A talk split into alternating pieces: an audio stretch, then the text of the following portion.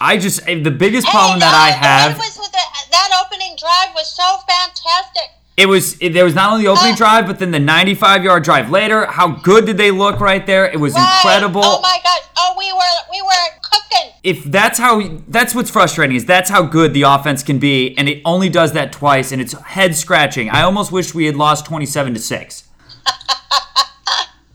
Oh, but we didn't. We hung in there.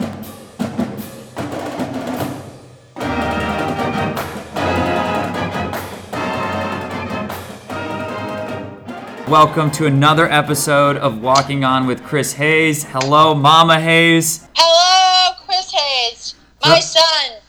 So oh, we have another game, another tough loss. It, it seemed that the Canes were going to be able to claw back, but is what the worst thing that you can do against a Georgia Tech offense is give them a two touchdown lead because then they're just going to pound the ball and end the game within two and a half hours. Yes, which is exactly what they did. And they did that, and they did a good job of it. You know, our our frustration, as you heard at the beginning of this episode, I think starts with how good the offense can look. And even, you know, Perry finally showed some flashes that we've been waiting to see. Uh, it wasn't, oh, he made some bad throws, but he made some really great throws. I mean, he was consistently good all game. Well, and everybody was catching the throws. I was so excited for that first drive because Perry was on target and all the guys, Homer, Dallas, Thomas, everybody was working it. And, you know, we look good. Defense, yes, you know it's going to be tough to adjust. Paul Johnson does a good job. I mean, they come out, they do a good job. We go back and forth, and then I don't know what's going on with DJ, but that's a third fumble and a and his third fumble that was uh, game crushing. Yes. So Yes. it's it's tough. Um, we'll, we'll get into the announcer uh, Dan Orlovsky in a little bit because uh, we had a little fun with him on Saturday night. Uh, but he made a good point. It it seems right now that every player for University of Miami is trying to win the game for them, and I agree with that. Like they're trying to break the streak on one play, you know, and it, and it's going to take more than one play. Well, he also, I think it was him that said that it was the seniors that were making the penalties and that the underclassmen were working their tails off. Agreed. I mean, you look again, Perry's finally shown some flashes. You know, DJ, while a sophomore, is definitely a leader of your team at this point, making mistakes. And the bright spot coming in there was the freshman Cam Davis coming out of nowhere. So, you know, like you He said, got he got his first touchdown. which is awesome. And, you know, showed oh. some flashes there, too. Yes. Yes, and, and that, was, that that was not the only thing he did, but yes, we have to shout out. He got his first touchdown. Exactly. So as I said last week was that you know they were just due and at this point it just feels like all those games are catching up with us that the teams we haven't beaten in a while or that they haven't beaten us in a while are finally catching up. Those those close games we won last year are not going our way, that's for sure. No, they're not. This this one, well, you know, I predicted a loss for this one. Yeah, and I hope we can change that. We'll get more into uh, the VaTech game here in a little bit. Um, any other takeaways you have from the game itself? Any bright spots? Oh, I, I'm going to interrupt you. Oh, man. Uh, if I have to watch Cager play like he's five foot nine one more time this year, I'm going to lose it. We're teasing the Dan Orlovsky bit, but it made a great point of how Cager on a deep pass by Perry, the GT cornerback came under and knocked it away. But he said, man, Cager's got to just use his height on that. And I can't agree more. He continues to play undersized, and it's one of the more frustrating parts of this season. And how tall is Cager? Uh, I believe six six, but I think you might have it. I don't have it. Okay. Uh, is he? I just remember seeing this one fellow look like he was going to touch the sky at uh, the football practice. He is six five. Oh He's my gosh. Six five, Okay. and he is all of six five too. Well, he doesn't seem to be using it to catch balls. No, it does not, and it seems to still continue to drop a lot of them. I mean, I, I hope he gets it together because again, he looks all the bit the part. He's just got to pull it together, and hopefully, he can finally maybe get on a little hot streak before the season ends here. Like Um, maybe this weekend. And and what are your thoughts? You know, a lot Okay, of you asked me about my. yeah. Go ahead. My bad. Uh, okay, uh, there were two very big penalties that we were third down and we had maybe two yards to go, both times, two or three yards to go, and the penalty set us back to longer yardage. One, I believe, was a personal foul, and one was just a just a false start, but deprived us of the first downs. And on at least the first one that I can remember, recall, they scored. They scored on the drive after we lost the ball. Agreed. Uh, yeah, it's one of those where we keep, if we cut out the turnovers and penalties, which of course any head coach will say on any press conference, but that literally was that game. If we cut out the turnovers, if we don't fumble the ball on kickoff, if we don't muff the punt uh, and give them an easy setup, if we continue to cut down on penalties and every time we get a first down, then back up 15 yards, uh, well, it, it hurts right. and it's hard to overcome. And uh, I'm sorry, they were both false starts. I see now in my notes, they were both false starts. So there were only five yard penalties, but it took us from fourth and two. It was fourth down. We, it was a fourth down, and we were going to go for the two, and it set us back to fourth and seven. And uh, obviously, we didn't make it, and Marshall turned around on us and scored a touchdown. Yep. And and and and as part of my rant, and they they were both done by senior. Well, no, Willis isn't a senior, is he? I'm sorry. Willis isn't a senior, but Ty Gauthier is a senior, and he was the second one. Yeah, they were killers for sure. Um, and, you know, again, it's just not helping the defense. I think the defense played overall well against what is always a tough task against the triple option no matter how many times they've played it over the against it over the years. And you know Georgia Tech did a great job of catching Miami off guard by throwing the ball four times and completing them. Uh, I do have to say after loving Bandy as much as I did he he looked out to lunch. And Jaquan Johnson too just the the type of high level play you get from those two guys in the secondary this year was not there. Not this week.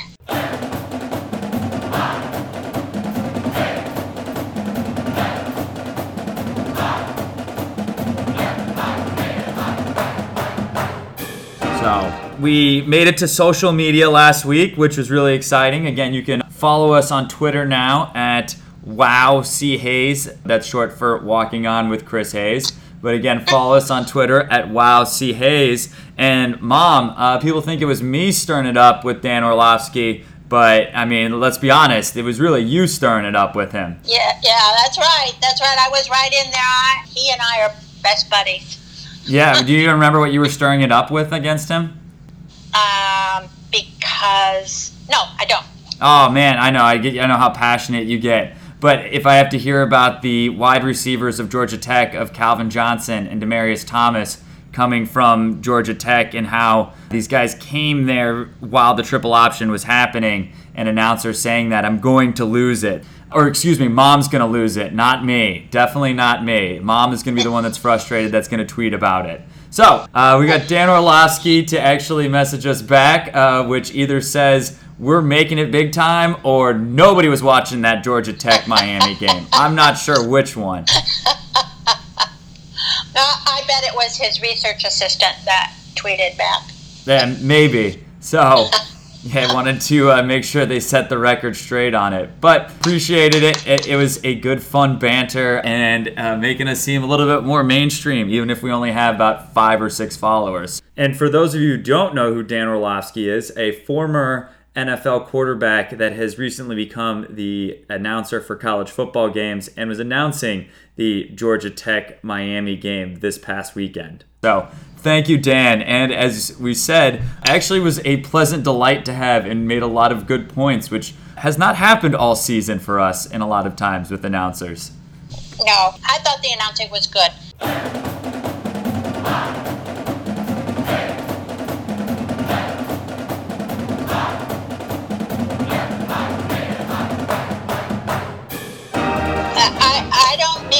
You up on, about something, but I, I know you and I know this will rile you up. Manny Diaz was talking about the one problem, the one major problem that we have as a team. Oh, golly, it is field position. And what governs our field position?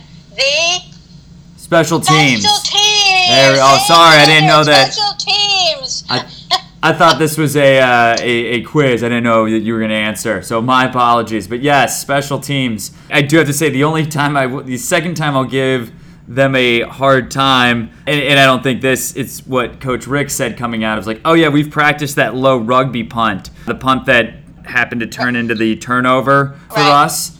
It was de- that's definitely not on purpose. Um, they do not practice punting it at a five at five yards off the ground, you know, 30 yards downfield to hit the left hand of the Georgia Tech player that's not paying attention and they recover it. That is one of those they could have easily have said, "Yeah, we got a good bounce there," and not say, "Yeah, we practiced that all year." That's not the case. And if they're practicing that all year, I'm gonna be really frustrated because they've wasted then all their practice time on everything else special teams wise. Oh gosh, uh, you're so predictable. I knew, I knew I could get you going on that one. Yes, it, it is one of those where I am frustrated because we continue to make the same mistakes and it's only getting worse. You know, both fumbles come on special teams. We have DJ that, that then is the usual punt returner fumbling the ball in kickoffs. And then, you know, you put Johnson back there who does it off and on, but he makes a big mistake. And of course, the punting situation continues to be a disaster. And and Manny Diaz is right. We just cannot flip the field on anybody. So everybody's getting these short field positions. We're starting, you know, at our 10 or 12 on average. Yeah, we stop them, but they punt they punt the ball or we punt the ball to them at their 35. They drive it 20 yards. Yes, we stop them, but then they punt it and they pin us back again. We get 20 yards, but then again, because we can't flip the field position, you know, they start then at the 45. So they start creeping forward and forward and forward, and we're just not getting it done. And I continue then to lose sleep and not going off on tangents and massive rants about our special teams. Well, there you go. That, and I really do think that is. I agree. I think that's a fundamental problem. I, I hope that they figure out uh, something for next year. That's not looking very up right now. They need to, I think, bring in somebody that schemes it and put more of an emphasis.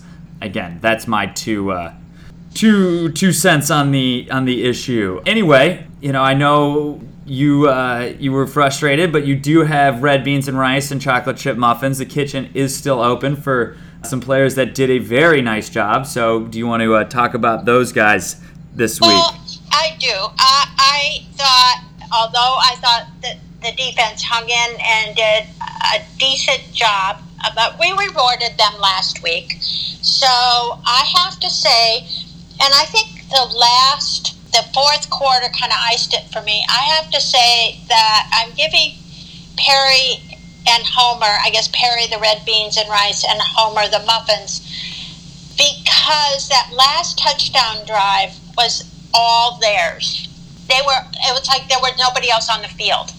And Perry had I mean, he started the game well. Like we were talking about that opening drive, I don't think he missed a single throw. I, I think they were all completions. It was off and on during the game, but basically he hung in there. He was doing all right. And Homer, he just was a workhorse at the game, at this last game. he fi- it's funny how we said Homer was kind of the struggle and DJ was the good looking back at the beginning of the year. It's definitely switched recently. We liked how Perry looked for sure. That was a bright spot. He finally put together a good, consistent game, and the mistakes that were made on offense were not his fault.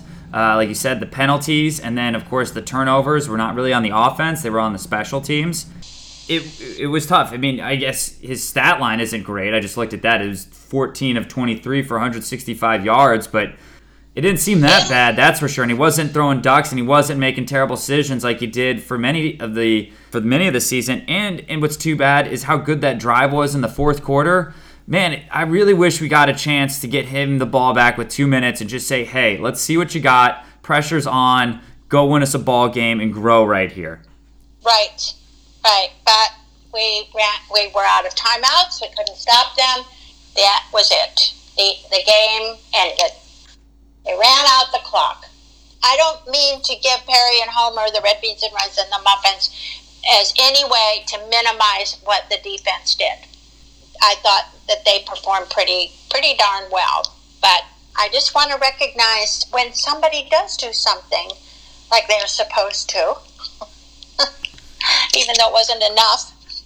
Yeah, I- agreed. So they they did a nice job. Uh, and, and speaking of that, and, and, talking about defense, what we've discussed a little bit, and, and what's hard, and I think a lot of Miami fans are doing this. You think about a year ago, right now, and you just finished the Notre Dame game. You had back to back weeks where you're looking like the most dominant team in football. There's talk of not only making the playoff, but making a run at the national championship. I mean, it has been it has been tough since then, and and I think the biggest thing is that we're wasting a good defense, and that that's hard to watch right now. But how many of them are leaving this year? We don't know that yet. There's but a there's a many, lot. Many of, of them, them, could be. Um, you know, you have all the junior linebackers, Quarterman, Pinckney, uh, who are juniors that have NFL talent. They could easily leave early this year. I was just had it pulled up of all the seniors that were leaving, which is going to be very. I mean, Johnson's leaving. Redwine's a senior. Willis is a senior. I mean, you're losing. Possibly, you could lose up to nine, ten guys. Redwine is a senior. He's my favorite because he said hello to his mother. oh, okay.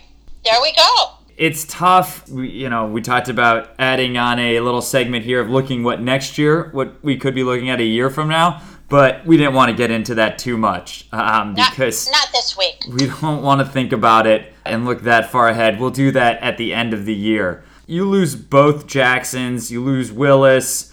I mean, you lose a lot of guys. I mean, even guys that had a tough run of it here at the end. Tyler I'm gonna say his name wrong, but you know him, so Gauthier. Ty Gauthier. Yeah, Ty Gauthier. I mean, he's he's leaving, you know, and again, that's just another senior you have to replace. It's not looking good, but the I guess only news is uh, that's kind of bright is Kelly Bryant from Clemson is going to stop by campus and take a look. Well, it depends on your uh, perspective. The fans are not happy, and some of the team is not happy that Kelly Bryant is being recruited or however you want to say it. And they feel that it's disloyal to the players that, particularly the, the quarterbacks, that have worked so hard to bring somebody in for one year, basically, and uh, delay their development and their performance. I think that's now, it's going to be tough because you have Perry. If you bring in Bryant, I think you lose Perry for transfer. I think he I think he leaves the program because that's pretty much saying we have no confidence in you. Then it's asking Williams, who redshirted this year, to sit another year and take another year, which wouldn't be terrible for him. You know, there's nothing wrong with him taking another year to then grow and then start as a sophomore redshirt. But I, I, think you then pull the plug on Perry. Uh, it shows that you made a mistake for sure on Perry. And you know, then if Perry hangs around, I think that messes up the quarterback situation more. So, while yes, it's a flashy name, I don't think it helps you as much long term as it does for a quick band aid for next year. I think they need more than a quick band aid.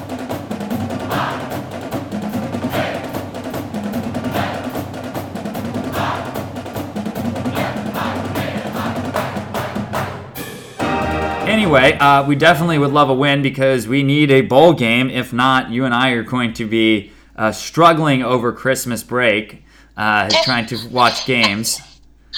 Yes. And not having that to look forward to. And the Canes head to Blacksburg this weekend to take on the Hokies of Virginia Tech. Okay, now I have a I have a comment. Okay, comments, love them.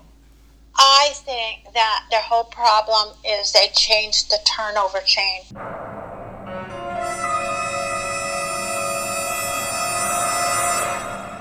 That's a new theory. Uh, you're the first one on that. That's pretty good. Do you want to expand more, or do you just want to leave that as your real first hot take as a media member? You know, I love Sebastian.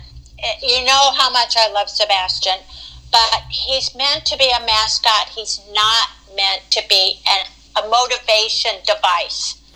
All right. Okay, I can see it. I mean, there is something classic about the U, so you know, I yes. think. Yes. Yes. And did you know? I don't know if you know this yet, but the turnover chain is going to be featured in the, and actually, it already is featured in the new Puppy Bowl 15 video for oh. the Super Bowl. That's uh, that's pretty big right there. Uh, inside scoop, which I guess isn't really inside because it's well known knowledge, but how about that? University of Miami making its mark even in the Puppy Bowl this year. Yes. there you have it. Mama Hayes believes that the whole reason the University of Miami program is struggling this year is because they changed the turnover chain. It's that's new. It's different. It's the first one on it, I believe. Uh, let's let's stick to that, and we'll try and convince them to turn it, it back. All right. Well, they're not changing the turnover chain uh, or going back to the old one for this VaTech game. What do you think, Mom? Uh, unfortunately, one of these teams has to win this game. Uh, I have been both ways on this. I feel initially, I just feel like we're going to lose this game, but then I've done some more reading on Tech, and honestly, you could just switch out our names for the articles that are written about Tech right now. We're both in kind of the same situation. I almost think VOD in a worse situation than we are. And whether or not they can pull it together to beat us, I mean, the, they ha- the advantage that they have is that they're playing at home. And the other advantage that they have is I think it's going to be cold up there. From what I've seen of where you live, it seems like it's going to be cold up there. You know, we made it through the Boston College game, so perhaps we're ready, far more prepared for it than I give them credit for being. The players are, are pretty beat down from what I've read. They're pretty discouraged. VOD text players, are you saying, players. Mom? Okay. And I don't think that our players are like that. I, I don't think, in spite of what we said a couple weeks ago about they just don't seem to care, I don't feel that there's a real letdown on the whole team. I mean, certainly the defense is it just keeps at it and at it and at it. And and from what I'm reading, there's just nobody on Tech. There's nobody that's sparking any kind of a energy in their lineup. Yeah, I mean, you look at their last three games. Their closest game was a loss to Boston College at, in Blacksburg uh, by ten. Mm. They've been blown out the last pretty. I mean, you, I would count that as a blowout against Boston College. I think that game only got close towards the end. They played at North Carolina and won a really close game. We know how bad North Carolina is this year, and they got demolished by Notre Dame before that. So uh, they are. They seem to be, as you said, as much of a mess we are. And as you said, we could easily switch the uniforms. They could come out in Miami uniforms, and we come out with VaTech uniforms, and it would look very similar. But I don't think that they have the defense that we have. Their whole team, from what I've read, is plagued by injuries, and there seems to be some coaching staff issues. Not good issues. yeah. Uh, usually, problem, usually when you're issues. Usually, when you're getting blown out four of the last five games, there's not usually good coaching issues going on. No, not to you know comment on our coaching issues, but uh, I just think that all of that together just might be a bright spot for us. It, it could be a win. Yeah, I mean, right now they're predicting us to win, which is uh, actually pretty impressive considering everything and the losing streak that we're on.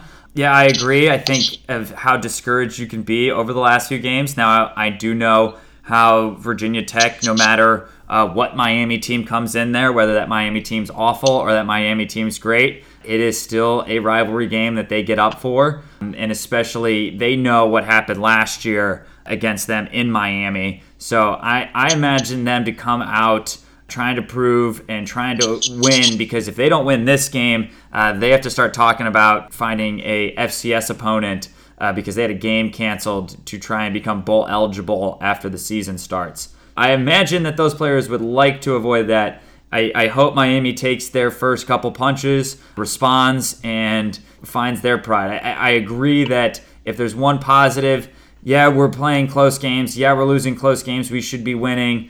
But there, there is a fight there. And as we said earlier, there are guys trying to win and break this streak on one play. They can't do that on just one play. They have to do it for a whole game. And I hope they calm down and come out with a strong game here. Yes. You have the bright spot. You hopefully get Perry playing a great game again. You, you hope DJ moves on. If not, DJ continues to struggle. You know, you got a good young running back. And I think if we see maybe not this week, but you know there is some chance maybe you even get Williams in because then you wouldn't have to burn a red shirt for him and see kind of what he can do. But hopefully Perry plays well enough, and if there's anything, and it reminds me, like I said, of that 06 season, my freshman year, where that defense, man. Yeah, we kept losing games, but they kept coming out to play every single game, willing willing a couple wins, and maybe finally we can will a win with the defense. Yes, hopefully that will happen. I've changed my I've changed my views, and I think we can eke out a win on this. All right, so let's let's roll into predictions there. You you think we win? What do you think happens in this game for us? If we win, I think we could win big. Not big, big, but you know, not sixty to three. We could win by two or three touchdowns. I actually agree with you on this one. I think that uh, VaTech's going to come out. I think it's going to be one of those games where all of a sudden, you know, we're down 17 7. They keep their composure. Next thing you know, it's 24 17. Miami's up, and, you know, they get a late turnover touchdown and they win by 14 points, you know, 14, maybe 17 points, and, you know, just kind of get the game in hand late through the fourth quarter. Let's hope so.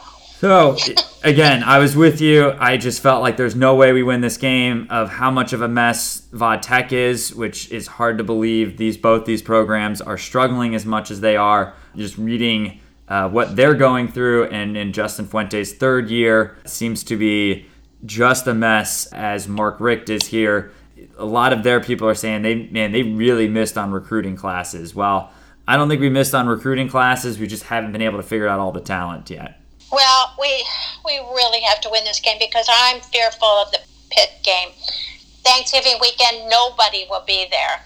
Uh, Pitt's looking good. That's for sure, and you know would like to to finish it. I'd like for the Canes to get this win and get some momentum and stick it to Pitt as they you know Pitt ruined the season last year. So we'll see. You got two believing in two wins here, which is a lot better than we thought last week. So exactly. Um, unfortunately, I've been pretty spot on on our uh, predictions recently, so hopefully, uh, you know, we can get a prediction and a win here. Excuse me, you predicted a win last week. Oh, I did. That's right. Sorry, I just said we were due. I covered my bases so I could get both takes in then. Oh, oh, I see. I yeah. see. No matter what, I was going to be right. Nice going. Well, I predicted the loss last week by golly, I was right. All right. Well, hopefully we're both right. Hopefully we get this win. We're playing at 3:30. It's going to get real cold real fast up there or down there for me, up there for you. It should be interesting. But that's it. Anything else uh, you have, Mom, before we leave here? I thank our listeners who it always amazes me the people that tell me that they listen to us and many of them listen to us all the way through who are not football fans. So I guess we have people who actually like us. Wow, how about that? Big shout out to Dan Orlovsky again. We're going to keep tweeting at you. Um, probably use you more than you want to hear. Uh, so thank you for that. We've uh, you you probably shouldn't have commented back to us, but you know we'll take advantage of it and go from there, um, and hopefully gain some more followers. Again, uh, you know I'm going to be the social media guy uh, now. Remember to follow us at Walking On with Chris Hayes, or excuse me, Wow C Hayes. Uh, it's it's a chance where Mama Hayes, well, uh, is sending her thoughts through Twitter and getting it out there, which should be interesting. Appreciate that, Mom.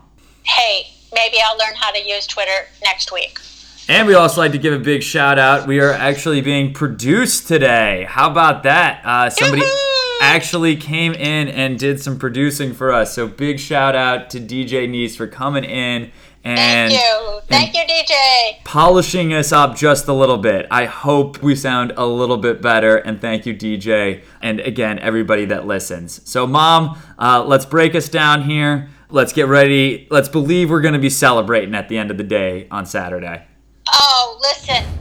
I just saw Bohemian Rhapsody, and so I am ready to sing "We Are the Champions." All right, well, maybe not that far, but uh, you know, maybe the fight song and a couple loud woos. Uh, I think we're a long way from the champions, but soon. okay, here we go. All right, you ready? Uh,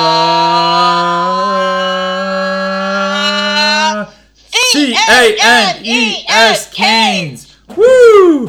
All right, that does it for another episode of Walking On with Chris Hayes. Uh, as always, we thank you for listening, and of course, go Canes. Go Canes!